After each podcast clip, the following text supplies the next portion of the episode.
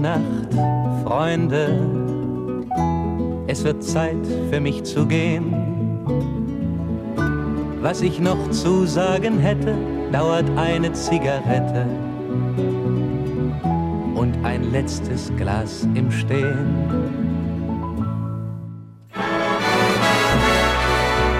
Dit is Het Beste uit het Oog.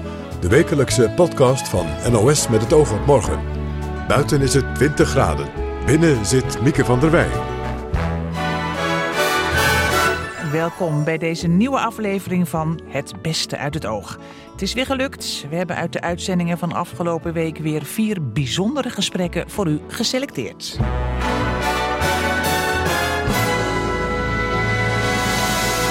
Zoals een gesprek over de Engelandvaarders. De mannen en vrouwen die in de Tweede Wereldoorlog naar Engeland vertrokken om tegen de Duitsers te vechten. Ik sprak met de inmiddels 95-jarige Bram Grisnicht over zijn ervaringen in de oorlog. Ik ben later gedropt als geheim agent.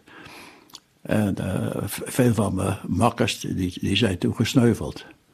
En ik ben zelf opgepakt en in concentratiekampen terechtgekomen.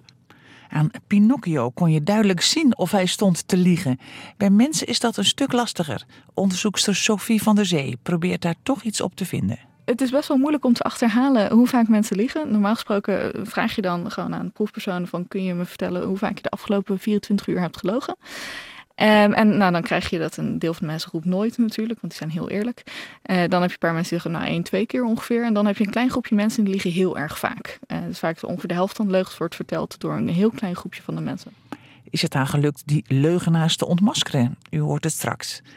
Groot nieuws was deze week de aanhouding van Jos B. in Spanje, de verdachte van de moord op Nicky Verstappen. Bij de opsporing speelde het FAST-team van de politie een belangrijke rol. Normaal gesproken zoekt dat team TBS'ers en veroordeelde mensen die uit handen van justitie willen blijven. Maar bij deze speciale zaak werd vast ook ingeschakeld. Zo vertelde teamleider Danielle Los aan Chris Keijnen. Wij zijn gevraagd door het onderzoeksteam uh, vanwege onze expertise. Uh, we hebben een uh, heel groot Europees netwerk. En dat is de reden waarom wij ons steentje bij hebben gedragen aan dit onderzoek. Oké, okay, dus jullie hadden in dit geval speciale expertise. Wanneer, ja. wanneer zijn jullie bij het onderzoek betrokken geraakt? dat is begin juni geweest. Oké. Laten we dan in het, in het algemeen uh, praten over uh, hoe Fast opereert. Wat, wat voor mensen zitten er in zo'n Fast team? Uh, in mijn team zitten eigenlijk allround rechercheurs. sommige teamleden hebben een specialisme. omdat als voorbeeld internet rechercheren is een specialisme binnen mijn team. Mm -hmm. Maar over het algemeen zijn het allround rechercheurs die net iets wat meer in hun rugzak hebben. Dus die worden net iets meer getraind om een aanhouding goed te verrichten. Om een instap in een woning goed en veilig te kunnen uitvoeren. Dus er zit een plusje aan. Ja, want, want uh, wat is jullie werkwijze op het moment dat er iemand moet worden opgespoord? Dus een TBS'er of iemand met een flinke veroordeling, meer dan uh, 300 dagen. Uh, wat, waar ga je beginnen? Wat ga je doen? Eerst achter de computer? Ja, eigenlijk wel. Maar we starten toch wat anders dan in een regulier opsporingsonderzoek. Want bij ons is er sprake al van een veroordeling. Ja. En dat maakt ook dat we anders naar de voortvluchtigen gaan bewegen. Vaak gaan we kijken naar de inner circle van de voortvluchtigen. Dus we starten eigenlijk de schil daarbuiten familieleden, vrienden. We kijken eigenlijk zijn hele sociale netwerk na. -hmm. En dat blijkt vaak uh, voor ons succesvol te zijn. Kijken of daar sporen in zitten die exact. leiden naar. Want, want je bedoelt te zeggen, uh, het gewone recherchewerk hoeven wij niet meer te doen. Nou, soms wel hoor. Uh, hmm. Maar daarnaast richten wij ons meteen op het sociale gebeuren rondom de voortvluchtigen. En vaak zien we wel dat of familieleden de voortvluchtigen helpen om zich schuil te houden, of vrienden. Uh, we hebben een tijd geleden meegemaakt dat een voortvluchtige gewoon nog uh, elke uh, zaterdag op het voetbalveld bij zijn moeder. Nou ja, maar dat, dat zien we ook. Maar ja, ja. wij spreken, die, die was nog lid van een voetbalclub, dus die speelde nog lekker zijn wedstrijdjes. Met zijn naam, gewoon met zijn naam op zijn shirt. Ja. Dus dat maakt het voor ons wel heel erg makkelijk. Maar uh, om aan te geven dat we vaak niet uh, gebruik hoeven te maken van de traditionele opsporingsmethodieken. Hmm. Maar dat we op een andere manier um, gaan benaderen. Ja, en als jullie dan inzoomen op zo'n inner circle, um, wat, wat mag je dan allemaal? Mag je mensen afluisteren bijvoorbeeld? Ja, wij mogen eigenlijk uh, alle opsporingsmethodieken toepassen die in het vooronderzoek, dus zeg maar het echte opsporingsonderzoek, uh, nog voordat het bij de rechter is geweest, uh, die zijn al toegepast. die kunnen wij ook weer toepassen. Hm. Dus wij maken gebruik van een speciaal artikel in strafvordering. En dat maakt eigenlijk dat we een heel breed palet aan mogelijkheden hebben. Ja, en uh, met, met alle mobiele communicatie die er tegenwoordig uh, is, is het, uh, is het daarmee voor jullie makkelijker geworden? Of andersom gezegd, is het voor iemand moeilijker geworden om zijn sporen uit te wissen? Wat is jullie ervaring? Ja, beide. Ehm, een voortvluchtige is beter in staat om op de hoogte te blijven van de ontwikkelingen die er zijn. Hmm. Aan de andere kant uh, geeft het ons weer uh, de mogelijkheid om hem beter te monitoren. En uh, waar wij steeds meer naartoe werken, is toch wel dat we een beroep willen gaan doen op burgerparticipatie. Want ja, hoe meer ogen zeg maar, op hem gericht zijn, des te groter is de pakkans. Ja, en, en burgerparticipatie, dat, dat probeer je meestal te bewerkstelligen via de media. Hè, die ja. In, in deze zaak van, van Nicky Verstappen en Jos B. ook een grote rol hebben gespeeld. Um, werken jullie veel samen ook met media wat dat betreft? Um, wanneer de zaak dat vraagt, uh, zoeken we dat uh, bewust op, dat klopt. Hm. En de ene keer doen we het bewust niet. Is het goed om onder de radar te blijven en even in de heimelijkheid te opereren. Maar soms, als we andere methodieken hebben toegepast die niet gewerkt hebben, dan is dat een strategie die we zeker niet schuwen. Het is een soort laatste redmiddel? Of? Nee hoor, hij kan ook aan de voorkant zitten. Maar, Want wat, wat, wat zijn dan de afwegingen? Ehm, de afwegingen kunnen zijn dat, uh, dat je al op voorhand iemand uh, scherp maakt. Want uh, de familie krijgt ook te horen dat we naar hem op zoek zijn. Dus dan heb je de kans natuurlijk dat hij zich juist gaat verstoppen. Ja. maar het kan ook zo zijn dat iemand zo ontzettend schrikt van de exposure die ontstaat. Dat hij denkt van, hé, hey, ik, ik geef me aan. Ik ben het vluchten zat. En, en dat maken we best wel vaak mee. Want op het moment dat we iemand aanhouden, dan horen we echt wel regelmatig dat iemand blij is dat hij gepakt is. Ja, ik hoorde van, ik, ik las, uh, we hebben natuurlijk altijd voorgesprekken en uh, je had verteld over een, een, jongen die in Marokko werd opgepakt, geloof ik. En die zei van ja, nee, ik ben blij dat het afgelopen is, want ik kan niet eens meer met mijn moeder bellen. Ja. Dat soort ja, dingen. Ja, dat was uh, iemand in Italië, die is uiteindelijk in Nederland aangehouden oh, op de luchthaven. En die gaf echt aan van, hé, hey, ik ben blij dat, ja, dat jullie me hebben, want het vluchten was ik zat. En, ja. Ja, dat horen we eigenlijk steeds vaker. Dus dat is voor ons wel een heel goed teken dat we op de juiste weg zijn. Ja, want uh, voor de duidelijkheid, dat, dat is nu dus al duidelijk. Uh, jullie opereren niet alleen in Nederland. En natuurlijk, uh, Jos B. is in Spanje gevonden. Maar ik weet niet of jullie daarmee te maken hebben gehad. Um, hoe, hoe doe je het als je uh, in het buitenland uh, mensen, mensen moet opzoeken? Doe je dan helemaal zelf het onderzoek of, of geef je dat over aan collega's daar? Nee, we hebben uh, het ENFAS-netwerk, het European Network. Ehm, en de harde afspraak is wel dat het land die vraagt, die zorgt ook voor de duiding. Dus op het moment dat wij aan een ander land gaan vragen om een voortvluchtig op te sporen, dan moeten wij ons huiswerk al eigenlijk gedaan hebben. En eigenlijk min of meer kunnen aanwijzen van wij denken dat hij uh, in die omgeving zich ophoudt. Hmm. Andersom geldt het ook. Dus wanneer een land als Polen of Kroatië een verzoek doet aan Nederland, dan verwachten we van het vragende land dat zij alvast uh, uitgerechercheerd hebben. Mhm. Want als we dat er nog bij moeten doen, dan gaan we het wel heel erg druk krijgen. Dus dat is eigenlijk een, een soort van afspraak binnen het netwerk. Dat iedereen wel zorgt uh, dat uh, de informatie juist is en toereikend is. Deze week zegt de 50PLUS de samenwerking op met het eigen wetenschappelijk bureau. De officiële reden? Een kritisch rapport over de verkiezingen. Maar politicoloog André Krauwel van de Vrije Universiteit van Amsterdam denkt dat er meer aan de hand is. Nou ja, wat je ziet in de krant is dat ze elkaar uh, uh, verwijten zeg maar, over uh, inmenging. Hè? het gaat over de rekening en goedkeuring van bovenaf. En het gaat er vooral om, hè, dat zegt dan die directeur van, de, van, die, van het wetenschapbureau. Hè, ze willen eigenlijk alleen maar dat wij peilingjes doen voor ze. Hè, u vraagt, wij draaien. En het wetenschappelijk bureau zegt, ja, daar zijn wij niet van. Wij zijn voor een kritische kanttekening bij het politiek functioneren van een partij. En dat is natuurlijk ook precies de taak van zo'n wetenschappelijk instituut. Dat is een beetje het, het geweten uh, van de partijen zijn. En boven de waan van de politieke dag uh, nadenken over de richting en koers van de partij. En wat dieper over allerlei ideologische, maar ook beleidsmatige vraagstukken. Daarvoor krijgt ook iedere partij apart geld om wetenschappelijk onderzoek te doen. Maar ja, je ziet dat lang niet alle partijen dat ook echt doen.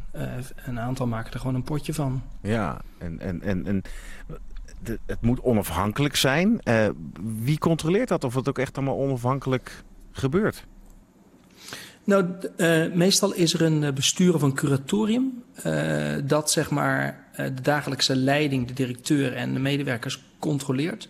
Er is natuurlijk ook een jaarverslag en er is dat wordt ook aan de partij voorgelegd. En er is natuurlijk ook um, een website waar je van alles kunt zien wat ze doen. Hè. Dus er is genoeg openheid. Ook de financiën moeten netjes aan het ministerie gemeld worden, omdat het een subsidie is. Dus er is er denk ik een hele nette verantwoordingsstructuur waar de ruzies echt over gaan. En dat is eigenlijk historisch altijd al.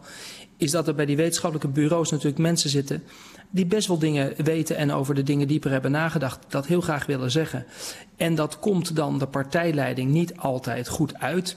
Ik denk dat Krol het niet leuk vindt dat hij hoort dat hij een slechte campagne heeft gevoerd, ondanks, ondanks dat ze uh, zetelwinst hebben. Dat hoor je dan liever niet. En dan word je daar chagrijnig van.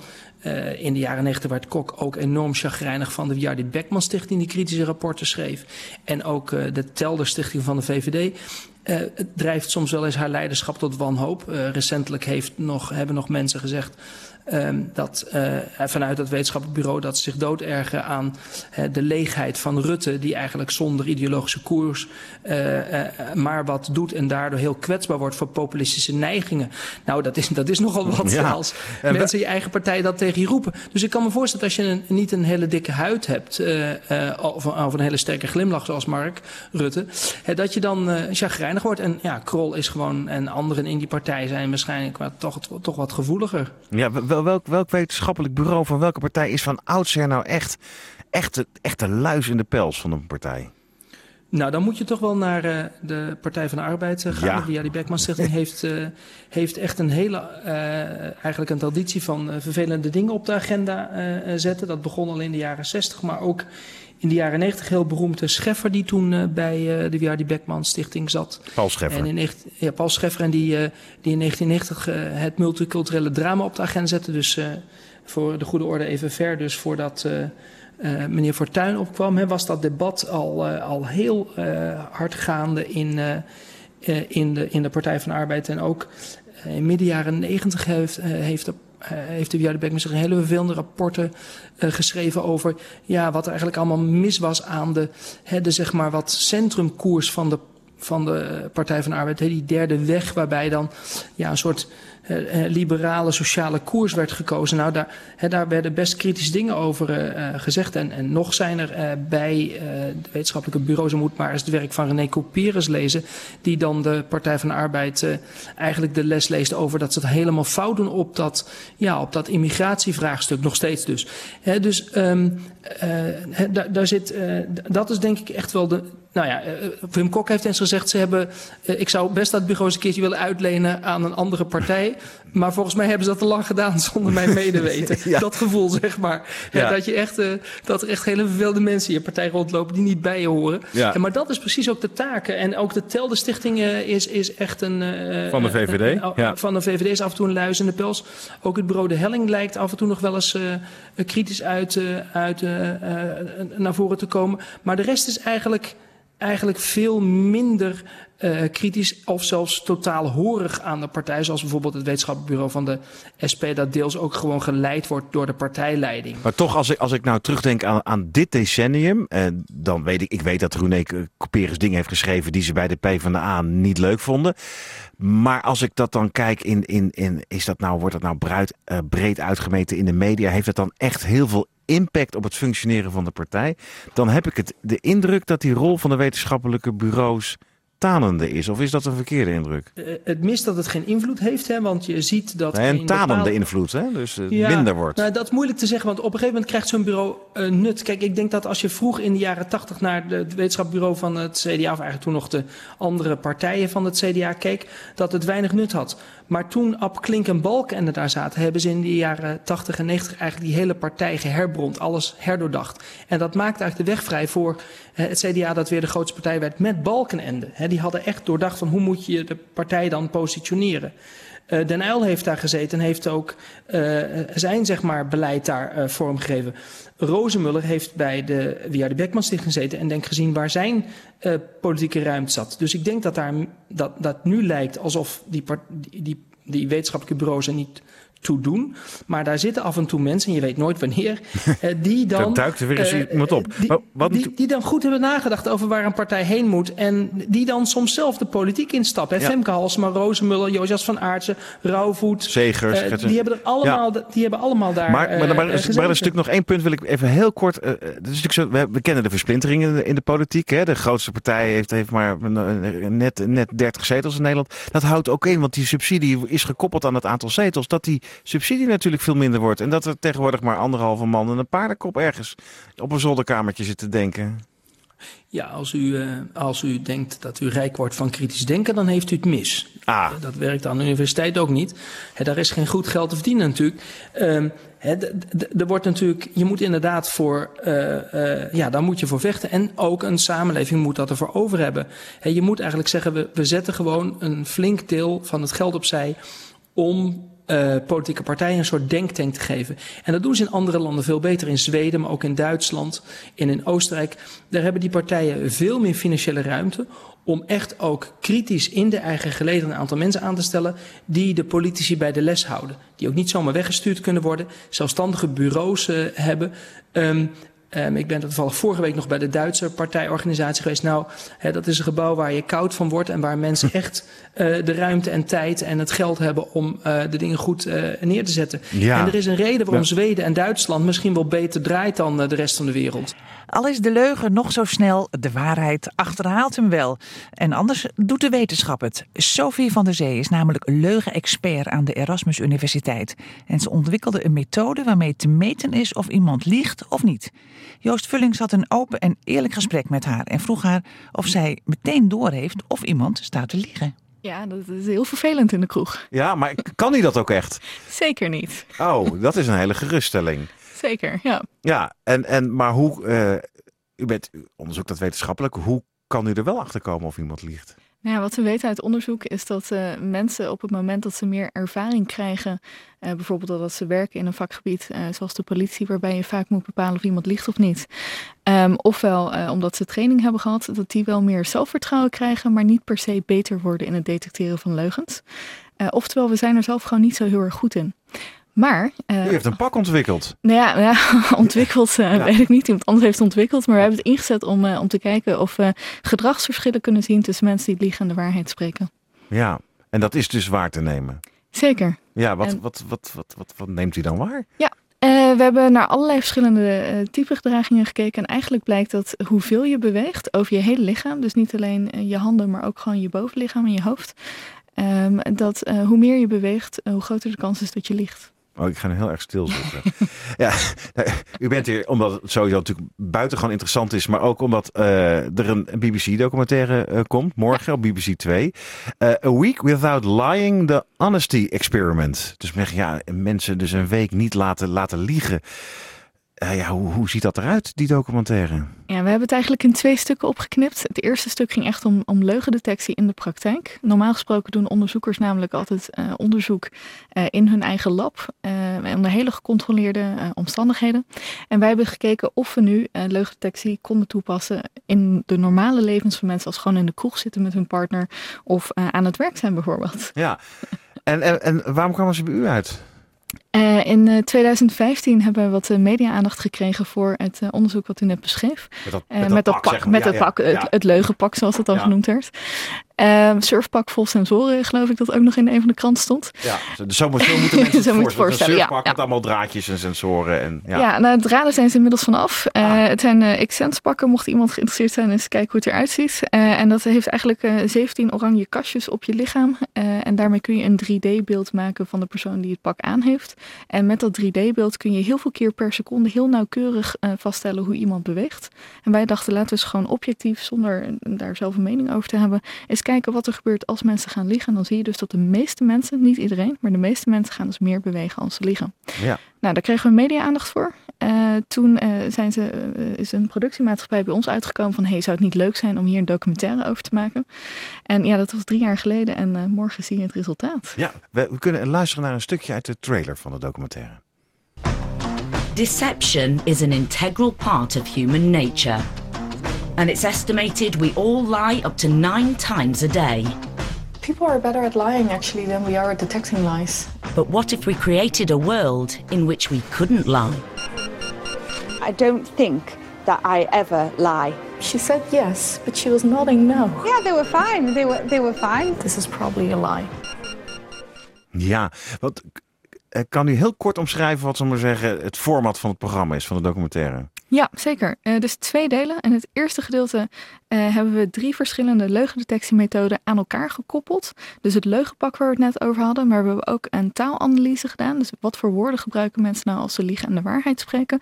En we hebben met een smartwatch, een vrij geavanceerde, hebben we naar fysiologie gekeken. Dus hoe reageert je lichaam? Gaat je temperatuur omhoog? Ga je meer zweten?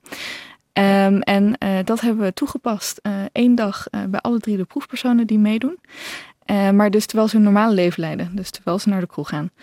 Uh, dat pak was dan wel zo dat je dus niet voor aap liep in die kroeg? Dat je dus als een soort Je kan je, kleren, je, kan je kleren je, er gewoon over aandoen. Ja, ja, ja, Maar ja, je zag als je bijvoorbeeld een, een, bril op hebt, dan heb je wel een sensor op je, op je bril zitten. Oké, ja. oké. Okay. Um, ja, voor aap, ja. ja.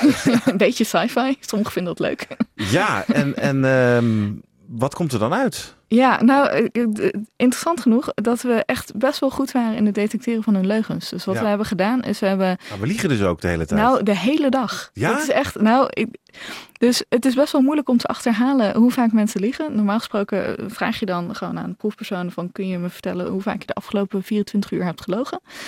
Um, en nou, dan krijg je dat een deel van de mensen roept nooit natuurlijk, want die zijn heel eerlijk.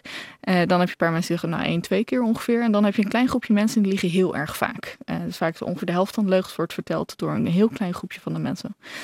Um, maar wat ik nu heb geleerd, nu ik dus een week uh, mensen heb geobserveerd, is dat mensen echt eigenlijk de hele dag door liegen. Zelfs als ze van zichzelf denken dat ze heel eerlijk zijn en nooit liegen. Ja, dat komt mij heel bekend voor. Ja, je liegt nooit? Nee, nee, nee, nee ik ben echt goud oneerlijk. Nee, ik, ik werk in politiek Den Haag en daar, daar, daar wordt natuurlijk heel vaak gesproken over of mensen nu liegen of ja, niet. Zeker.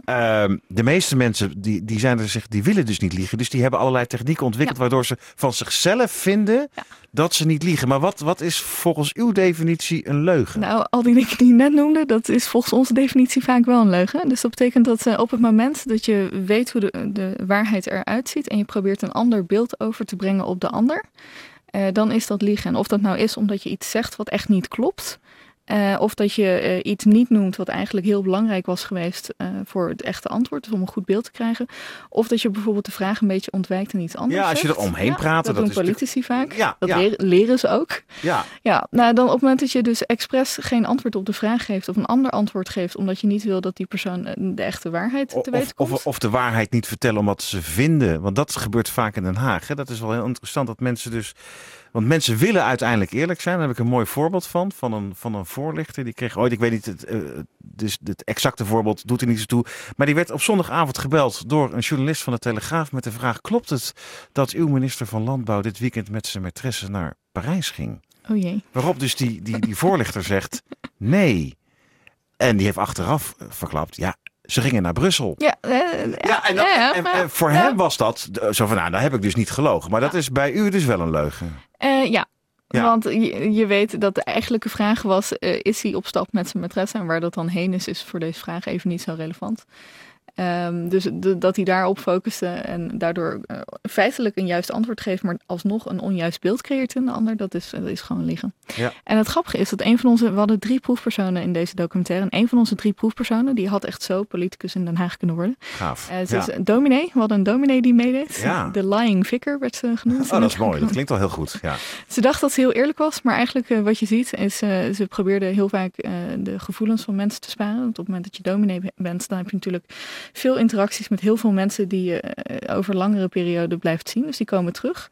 Iedere zondag zie je ze in de kerk. Uh, en dat betekent dat je eigenlijk hun gevoelens best wel moet sparen. Je kan niet heel erg eerlijk zijn. Je ziet dat zij dat... Nee, je kan zeggen, wat leuk om je te zien. Nou, bijvoorbeeld. Ja, je eigenlijk denkt, ik heb nou, helemaal geen zin in. krijg ik dat zeurmens weer. Ja. Nog, nog mooier. Uh, een van de dingen die zij op, op, haar dag moest doen dat ze leugendetectieapparatuur droeg... was een gesprek met een bruid uh, die ze binnenkort ging trouwen. En deze bruid die, die vroeg zowel, wat vind je van mijn jurk? Ja. oh jee. en ten tweede, ehm, vind je het erg om op zaterdag te werken? En haar antwoord was toen, ik vond hem heel slim maar het is nog steeds wel een leugen. Nou ja, uh, ik vind bruiloften veel leuker dan begrafenissen. Ja, jemig. maar als je, klopt. Wat, heel maar... wat mensen dan zeggen, wat vind je van mijn jurk? Dan zeg je, ah, bijzonder. Ja. Terwijl je eigenlijk denkt, het is een, het is een wangedrocht. Is, is dat ook een leugen? Uh, uh, op het moment dat je echt denkt, het is een wangedrocht, dan is bijzonder een leugen. Uitkijken wat je zegt dus. Afgelopen week kwamen de laatste nog levende Engelandvaders bij elkaar. Als jonge mannen en vrouwen vertrokken ze in de oorlogsjaren naar Groot-Brittannië om met de geallieerden mee te vechten tegen de Duitse bezetter. Een van hen is Bram Grisnicht. Hij is 95 jaar en ik vroeg hem wat hij zich nog kon herinneren van het begin van de oorlog. Ik was toen op school in, in Den Haag. Uh, ik heb van de eerste dag niet zo veegbaar. Alleen dat de Duitsers met, met legerwagens door de stad reden en al dat soort dingen meer. Maar ik ging me al gauw heel ergeren. Dat, dat, dat, de Duitsers, die liepen door ons, ons vrije Nederland te marcheren. Dus, en en, die, die zongen dan die, die Duitse machtsliederen. Dat vond ik heel erg. Nee. En u besloot uit Nederland weg te gaan. Hoe ging dat? Nou, dat was als je jong bent, tamelijk eenvoudig. We zijn op de fiets gestapt, de Friet en ik. Uh, met de botatlas achterop. En we zijn naar het zuiden gegaan. Via België naar Frankrijk. Met een bosatlas eh, achter onder de snelbinders? Om de, om de weg te vinden, ja. ja. ja. En hoe ver bent u toen gekomen met de fiets? Nou, ongeveer tot uh, midden van. Je moest natuurlijk allemaal bewaakte grens over. Hè? Zo de Nederlands-Belgische grens en de Belgische-Franse grens en de demarcatielijn. En ongeveer in, midden-Frankrijk hebben we onze fietsen verkocht. En zijn we verder gereisd uh, ja, met, met de trein en al dat soort dingen meer. Al, allerlei mogelijkheden. En hoe bent u dan uiteindelijk in Engeland terechtgekomen? Nou, via Spanje. Uh, daar op een boot ben ik via Curaçao ben ik weer als matroos op de tanker gevaren. Ben ik nog getorpedeerd. En uh, Amerika, Canada. En 18, ongeveer 18 maanden na vertrek uit Nederland kwam ik in Engeland, Engeland aan. Nou ja, u zegt dat nu even zo achterloos. Uh, Spanje, Curaçao, Amerika. U hebt nogal wat meegemaakt dit, tijdens de oorlog. Gevechten, krijgsmakkers die zijn vermoord, verraad. Wat zijn er nou de momenten die u het meest zijn bijgebleven? Ja, dat is natuurlijk het, het actieve werk in Holland in het verzet. Ik ben later gedropt als geheim agent. En uh, veel van mijn makkers die, die zijn toen gesneuveld. En ik ben zelf opgepakt en in concentratiekampen terechtgekomen. Dat zijn natuurlijk wel de, de, de, moeilijke periodes van, van mijn oorlogsverleden geweest. Ja, u werd vanuit Engeland werd u gedropt in Nederland? Ja. We zijn eh, met mijn vriend zijn we gedropt als geheim agent. Uh, dat was 20 september 1943. Mm -hmm. Toen zijn we gedropt boven Beugen in Brabant. En uh, om te werken als radiotelegrafist, om de verbinding te onderhouden tussen het verzet in Nederland en bureau inlichtingen en MI6 in, in, in Londen. Ja. En dat was niet zonder gevaar? Nee, dat was heel gevaarlijk. -hmm. Want van de, tijdens de oorlog zijn er 180 agenten naar Nederland, Nederlandse agenten naar Nederland gekomen. En van de 180 zijn er 95 zijn er gesneuveld. En van de 180 waren er 115 Engelandvaarders. Ja. En u bent toen op een gegeven moment ook gepakt, heb ik dat goed begrepen? Ja, ja. ja. En waar bent u toen? In Amsterdam ben ik uit, uitgepeild. En toen? Nou, dan ga, je via de uh, ondervragen en noem maar op de, de, diverse gevangenissen ben ik uiteindelijk in de, het laatste concentratiekamp, dat was Ravensbrück, in Duitsland terechtgekomen. En ik heb natuurlijk ontzettend geluk gehad dat ik het heb overleefd. Want hoe lang hebt u in Ravensbrück gezeten? Niet zo lang. Dat was aan het eind. Ik ben begonnen in, uh, in Sachsenhausen, toen naar Neuenkammer en Brunswick. En het laatste kamp, dat was Ravensbrück. Wat door de meeste mensen wordt, wat door de meeste mensen wordt gezien. Als een vrouwenkamp? Als een, als een vrouwenkamp. Maar daar zaten dus ook mannen, begrijp ik. Wat zegt u? Daar zaten dus, ook, mannen. was ook ja. een mannenkamp, ja. En, en waarom werd, werd u steeds van het ene kamp naar het andere uh, verplaatst? De, uh, geen flauw idee van. Nee. Okay. Waarom, de, waarom de Duitsers mij van kamp naar kamp hebben gesleept, daar heb ik geen flauw idee van. Nee. Um, Want er zijn andere collega's of vrienden van mij, die hebben wel bij één kamp gezeten. Wat herinnert u zich nog van de bevrijdingsdag? Nou, ik heb de Hollandse bevrijdingsdag natuurlijk niet meegemaakt. Want ik ben eind, eind april 45 uh, uit Ravensbrück bevrijd. En pas na de bevrijdingsdag in Nederland teruggekomen. Ja. En wat trof u toen aan? Ook natuurlijk een, een hoop, hoop ellende. Hm. Ik heb me toen teruggemeld op het hoofdkwartier in Wassenaar. En uh, ik had toen uh, de, een, een, een, vriendin in Londen. En ik ben teruggegaan naar Londen.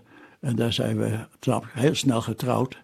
En de, de, toen kreeg ik wel de aanbieding om weer als geheimagent te gaan naar Nederlands Oost-Indië. Dat heb ik toen niet gedaan. Nee. En uh, woensdag is dus die laatste bijeenkomst. Uh, gaat u nog iets speciaals doen of zeggen? Nou, ik, ik geloof niet dat ik iets speciaals heb. Ik hoop, hoop nog de, de, laatste vrienden te ontmoeten. Ja. En, en, ja, en dan, dan, dan hebben we het afgesloten. Ja. Gaat u het missen? Uh, misschien, misschien.